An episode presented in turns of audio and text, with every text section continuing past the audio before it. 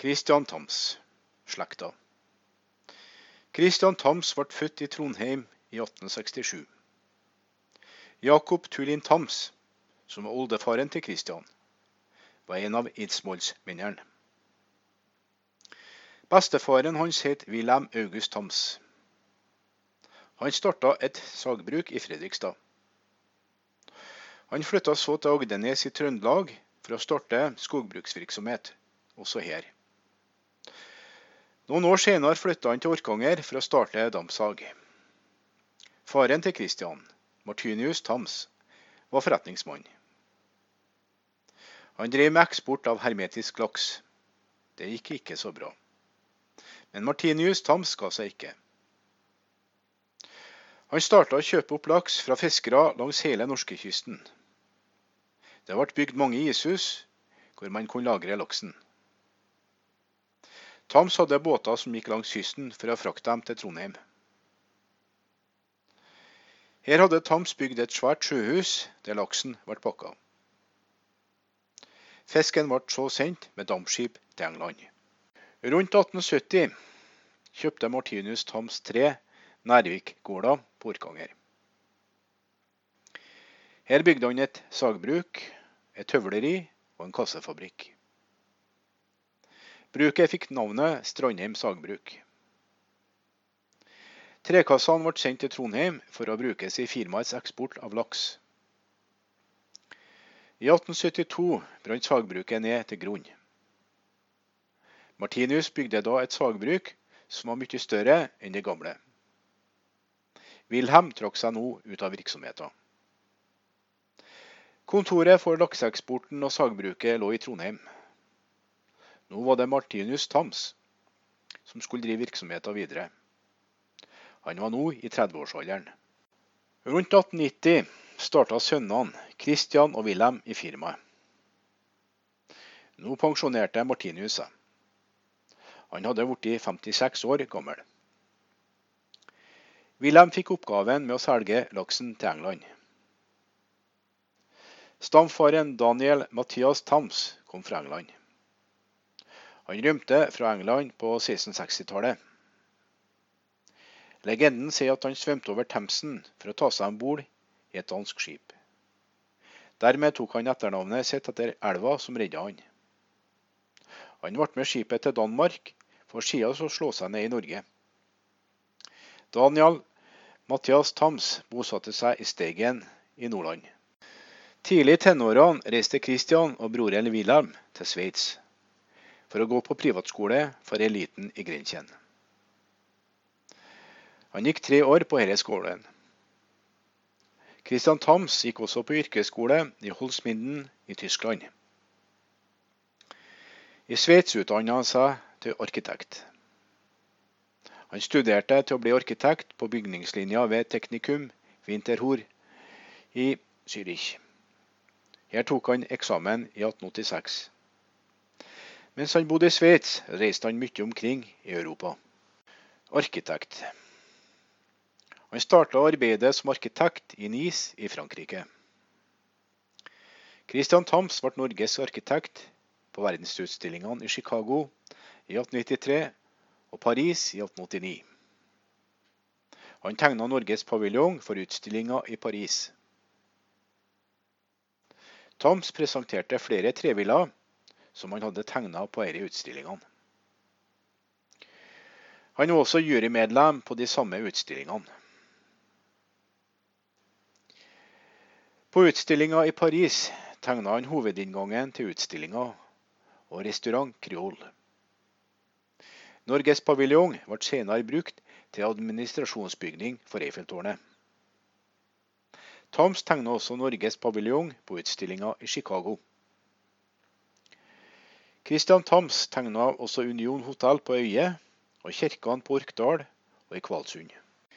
I Belgia tegna han gravkirka for den belgiske kongefamilien som skulle ligge ved slottet Leken utenfor Brussel. Ferdighusfabrikk. Et voldsomt jordskjelv ramma den franske riviera da han var 20 år gammel. Tam så at murhusene på den franske middelhavskysten ramla sammen som korthus. Han mente at trehus ville klare seg bedre i et jordskjelv. Han tegna trehus som kunne tåle jordskjelv. Prefabrikkerte trehus ble produsert på Orkanger og sendt til Frankrike. På Orkanger bygde han verdens første ferdighusfabrikk, på Strandheim i Orkanger. Firmaet solgte ferdighus til hele verden. I dag finner vi ferdighus fra fabrikken på Orkanger i Europa, USA, Sør-Amerika og India. Håndverkere fra Orkanger reiste rundt i verden for å sette opp husene fra husfabrikken. På det meste sysselsatte er bedriften over 300 mann.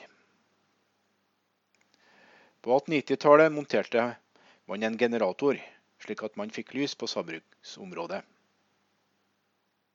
I 1902 ble det montert ei dampmaskin for å effektivisere produksjonen. Samme året var det mange arbeidere på sagbruket som organiserte seg.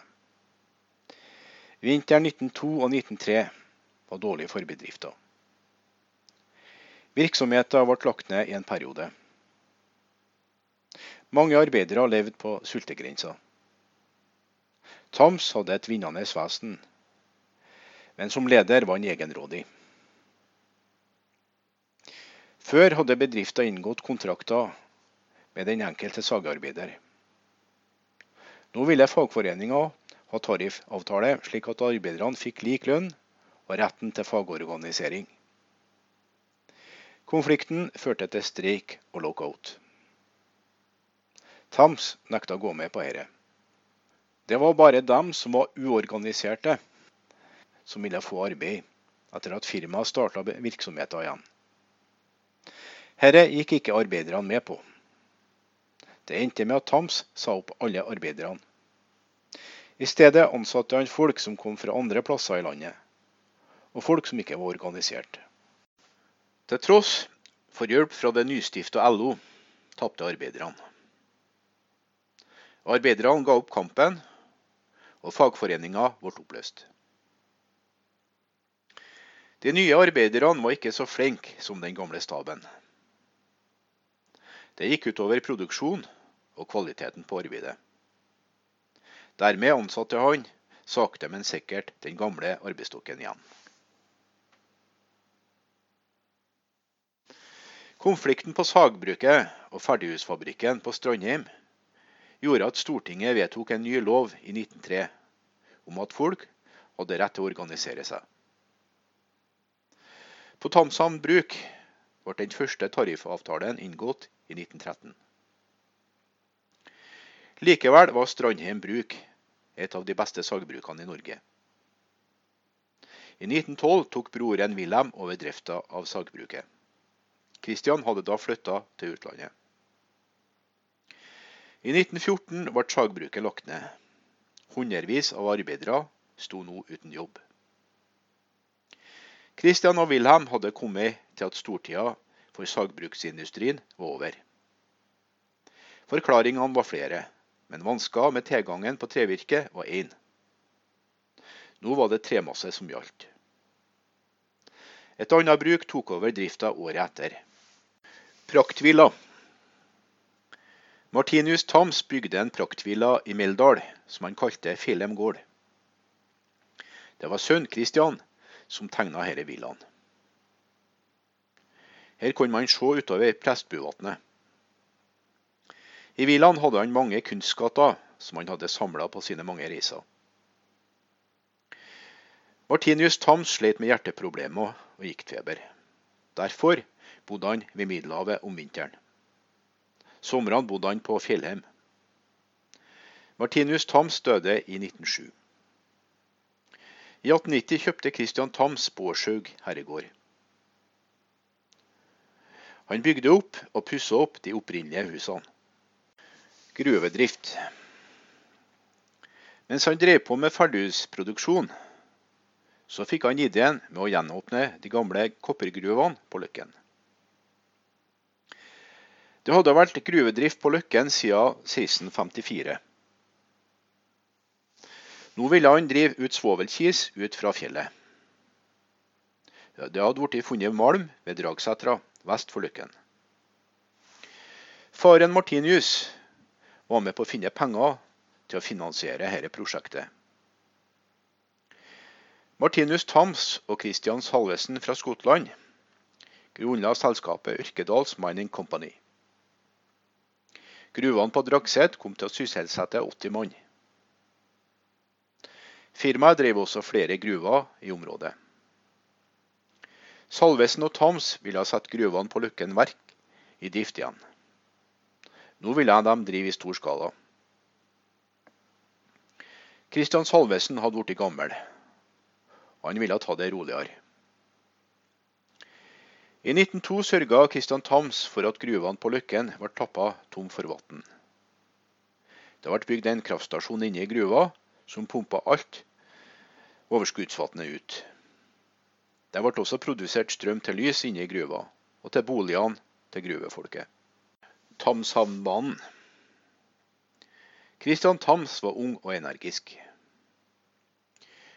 For å få sendt malmen ned til Trondheimsfjorden og så ut i den store verden, så bygde han Tamshavnbanen, som gikk fra Løkken til Svorkmo. I 1897 danna Tams og Salvesen firmaet Christian Salvesen og Christian Tams. Communications aksjeselskap. I mars 1904 fikk Tams og Salvesen konsesjon til å bygge ut jernbane. Jernbanen skulle drives med elektrisk kraft. Kraftkilda var Skjelnadsfossen kraftstasjon, som Tams hadde bygd for kraftleveranser til bl.a. Tamshavn bruk.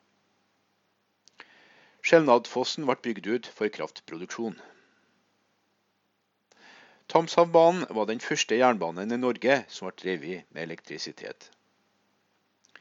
Sporbredda på jernbanen skulle være på én meter. Det at jernbanen ble drevet med strøm, vakte oppsikt i fjern og nær. Journalister fra hele verden kom for å skrive om jernbanen. Planlegginga av jernbanen begynte like etter at konsesjon ble gitt. Man begynte å stikke ut jernbanen i 1905. Men selve bygginga av jernbanen begynte året etter. Høsten 1907 begynte de første togene å gå på Tamsabanen. 10.07.1908 åpna kong Haakon Tamsabanen. Kongen kom med båten DS Orkla fra Trondheim. Damplokomotivene hadde nettopp kommet fra Storbritannia. De hadde en del feil som måtte rettes opp. Han ble frakta opp etter Orkdalen i ei vogn som senere har blitt kalt for Kongevogna. 15.07.1908 starta den normale trafikken på Tamsabanen, og med DS Orkla. Nå kunne orkdalingene komme til Trondheim på dagen. Kristian Tams åpna også ei bussrute mellom Svorkmo og Surnadal. Dermed kunne folk fra Trondheim reise til Molde på relativt kort tid. Orkla Grube Aksjebolag.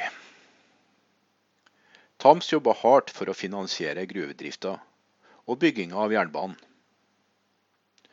Han lette overalt for å finne risikovillige penger.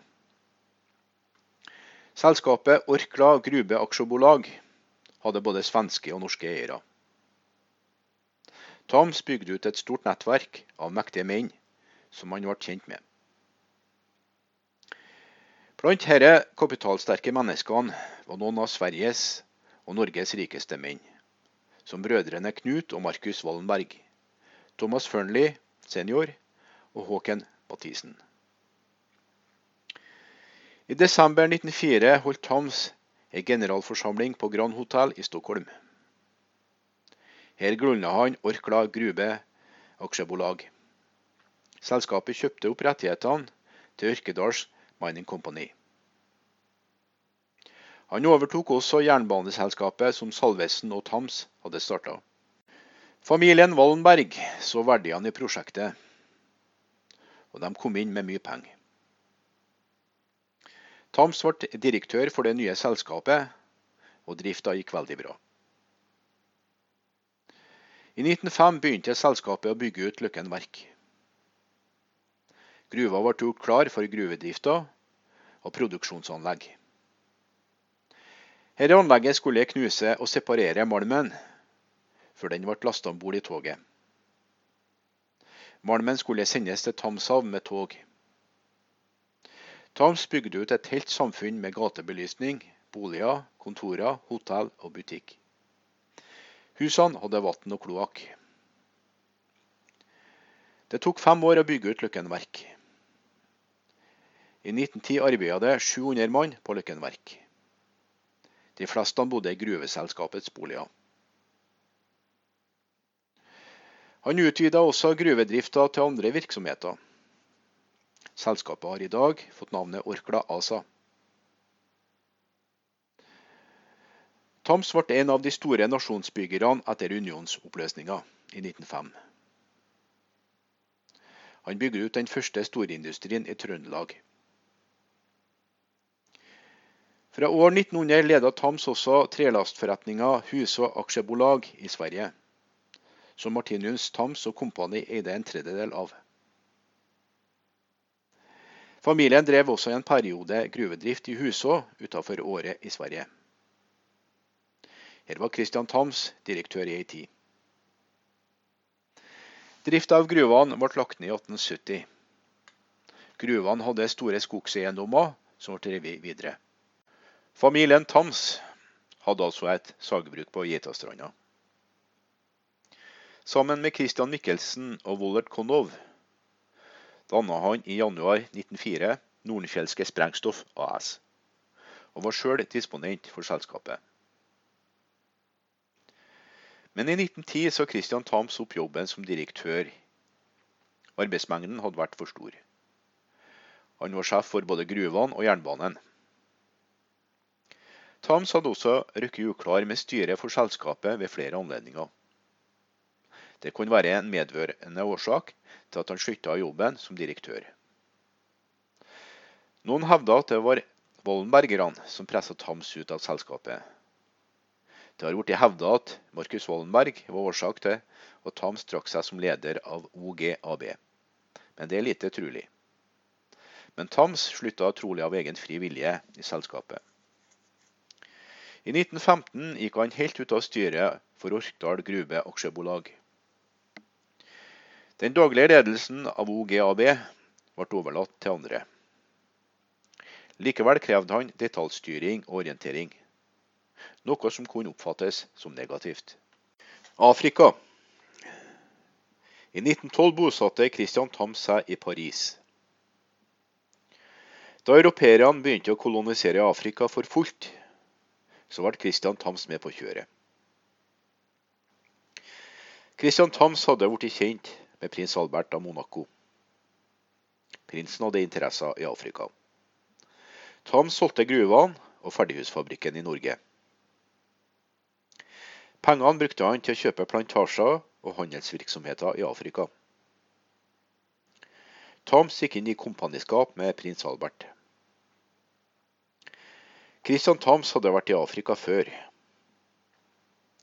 I 1889 tegna han en praktbolig for utenriksministeren fra staten Kongo. Dette var en koloni som ble styrt av kong Leopold 2. av Belgia.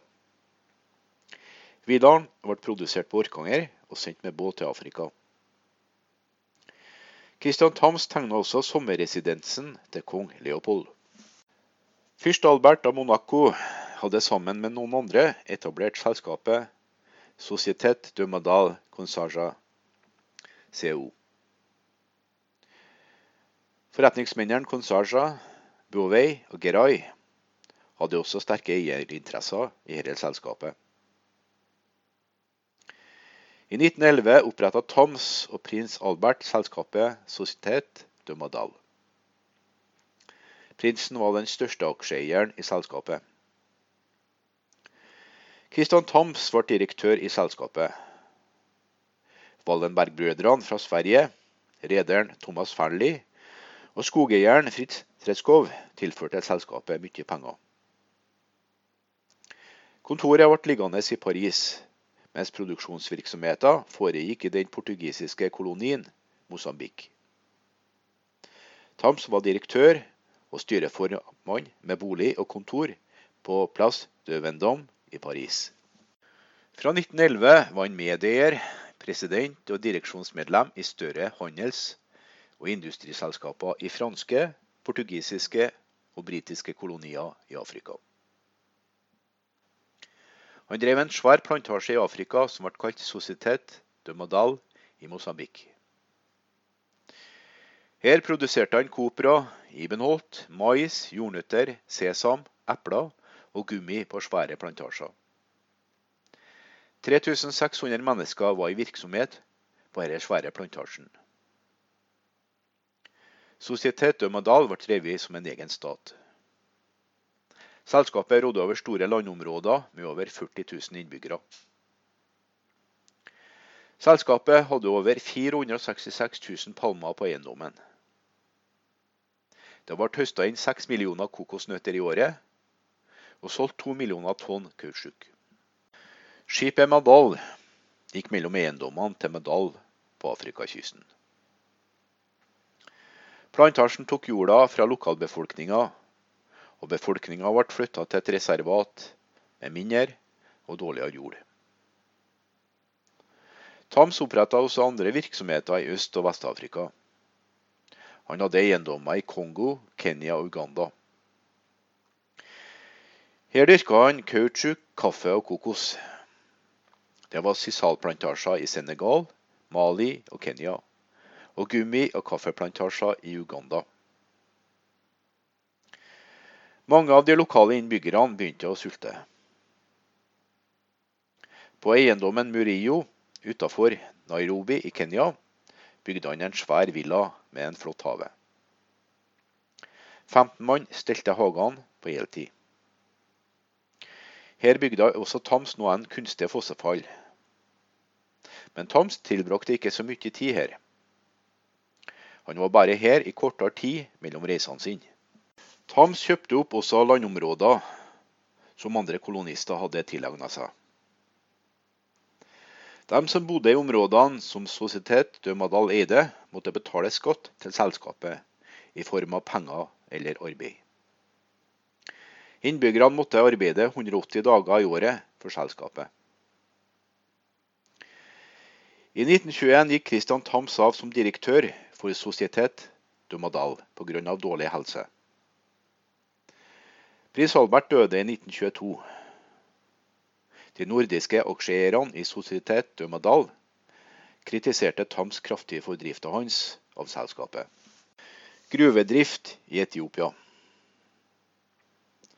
Etter at Tams trakk seg som direktør for Societet de Madal, så starta han å interessere seg for fjellandet Etiopia. Han drev bl.a. med gruvevirksomhet i Etiopia. Etiopia hadde lenge vært et avsidesliggende land. I 1917 ble det bygd en jernbane fra Djibouti til hovedstaden Addis Abeba. Tams hadde besøkt keiseren flere ganger. Kristian Tams så mulighetene i det fjellrike landet. Her fantes det mye platina og gull. Tams sørga for å få tak i flere konsesjoner for å drive gruvedrift. I Etiopia grunnla Tams i 1920-årene et gruveselskap med den senere keiser Haile Selassie som største aksjeeier. I starten av 1930-årene ledet han også et tilsvarende gruveselskap for den franske storbanken Banque de Paris Payba. Han starta tre franske selskaper som skulle drive gruvedrift på grensa mot Sudan. Han hadde fått tak i fire gruvefelt. I 1928 starta han med undersøkelser i Afrika. Gruvene lå avsidesliggende til. Det var store problemer med å få frakta malmen til havet og markedene. Men så angrep Italia Etiopia, og Tams tapte alle pengene sine. Etter fadesen i Etiopia dro Christian Tams til Romania. Her drev han noen store skogseiendommer og gruver. Dette var også et tapsprosjekt. Selmer-saken. I 1918 hjalp Christian Thams søskenbarnet Carl Selmer i å kjøpe aksjer i Societet de Madal av fyrst Albert av Monaco. Carl Selmer ble forbanna på Thams. Han hadde kjøpt aksjer for 200 000 franc i selskapet. Tams hadde kjøpt de samme aksjene for halvparten av prisen av prinsen. Carl Selmer hadde trodd at han skulle få kjøpt aksjene til rimeligst mulig pris. Det tok han fem år å oppdage at han hadde blitt lurt.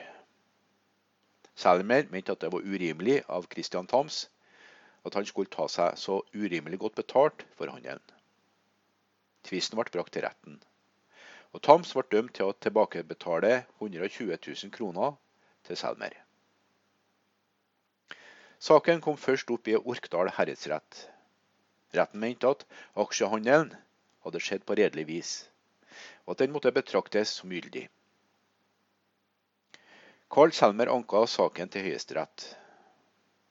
Dommen kom først i 1931. Flertallet i Høyesterett mente at Christian Thams hadde lurt søskenbarnet Carl Selmer i aksjehandelen. Thams ble dømt til å betale tilbake 118 000 kroner til søskenbarnet mot at Carl Selmer ga tilbake aksjene. Thams måtte også betale Selmers utgifter til advokater på 5000 kroner. Christian Thams nekta å betale tilbake pengene som han skyldte Selmer. I stedet valgte han å holde seg borte fra fedrelandet, og han kom aldri tilbake til Norge. Saken ble forelda i 1942. Da kunne Christian Thams vende tilbake til Norge, men da var det krig. Thams hadde planer om å ta en tur til Norge i 1948, men han døde samme året. Christian Thams var involvert i flere rettssaker i løpet av sitt liv. Flere av dem gikk til Høyesterett. Tams var også innblanda i et par rettssaker i Orkdal.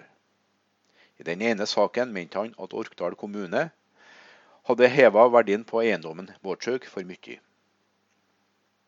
Saken ble løst i minnelighet i 1928. I 1930 hadde Sognlia jaktklubb aksjeselskap ikke betalt skatt til Geitastrand kommune.